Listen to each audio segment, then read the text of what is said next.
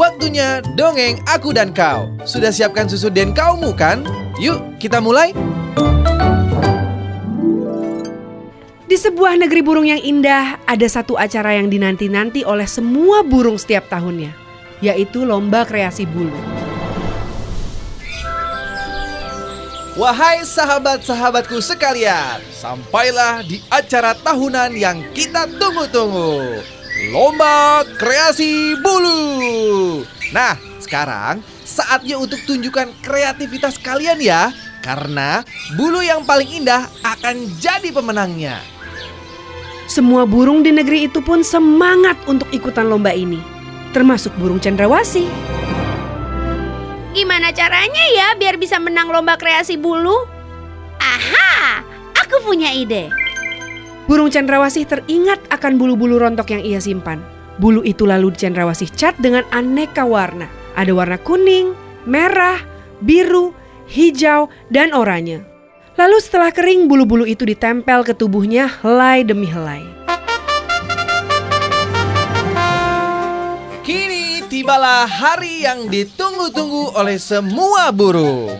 Saatnya lomba kreasi bulu. Kira-kira siapa yang jadi pemenangnya ya? Satu persatu para peserta lomba kreasi bulu menunjukkan bulu-bulu indahnya. Burung cendrawasih pun gugup karena para peserta lomba juga memiliki bulu yang tak kalah indahnya. Terima kasih burung gagak. Bulu yang sangat indah. Nah, sekarang saatnya peserta terakhir. Burung cendrawasih, ayo perlihatkan bulu indahmu. Tibalah giliran cendrawasih. Rasa gugup yang dirasakan cendrawasih seketika hilang. Saat ia mulai mengepakkan sayapnya dan memperlihatkan bulu indahnya. Decak kagum serta sorak-sorai para penonton pun juga jadi tanda bahwa sayap indah milik cendrawasih layak untuk menjadi pemenang. Akhirnya, Merpati mengumumkan pemenangnya. Dan pemenang untuk lomba kreasi bulu tahun ini jatuh kepada Cendrawasih. Wah, aku senang sekali.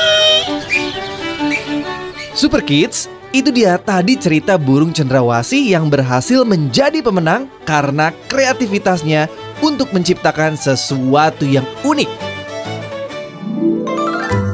Bunda, dukung terus si buah hati untuk menjadi anak unggul Indonesia. Sampai ketemu lagi di dongeng aku dan kau lainnya ya.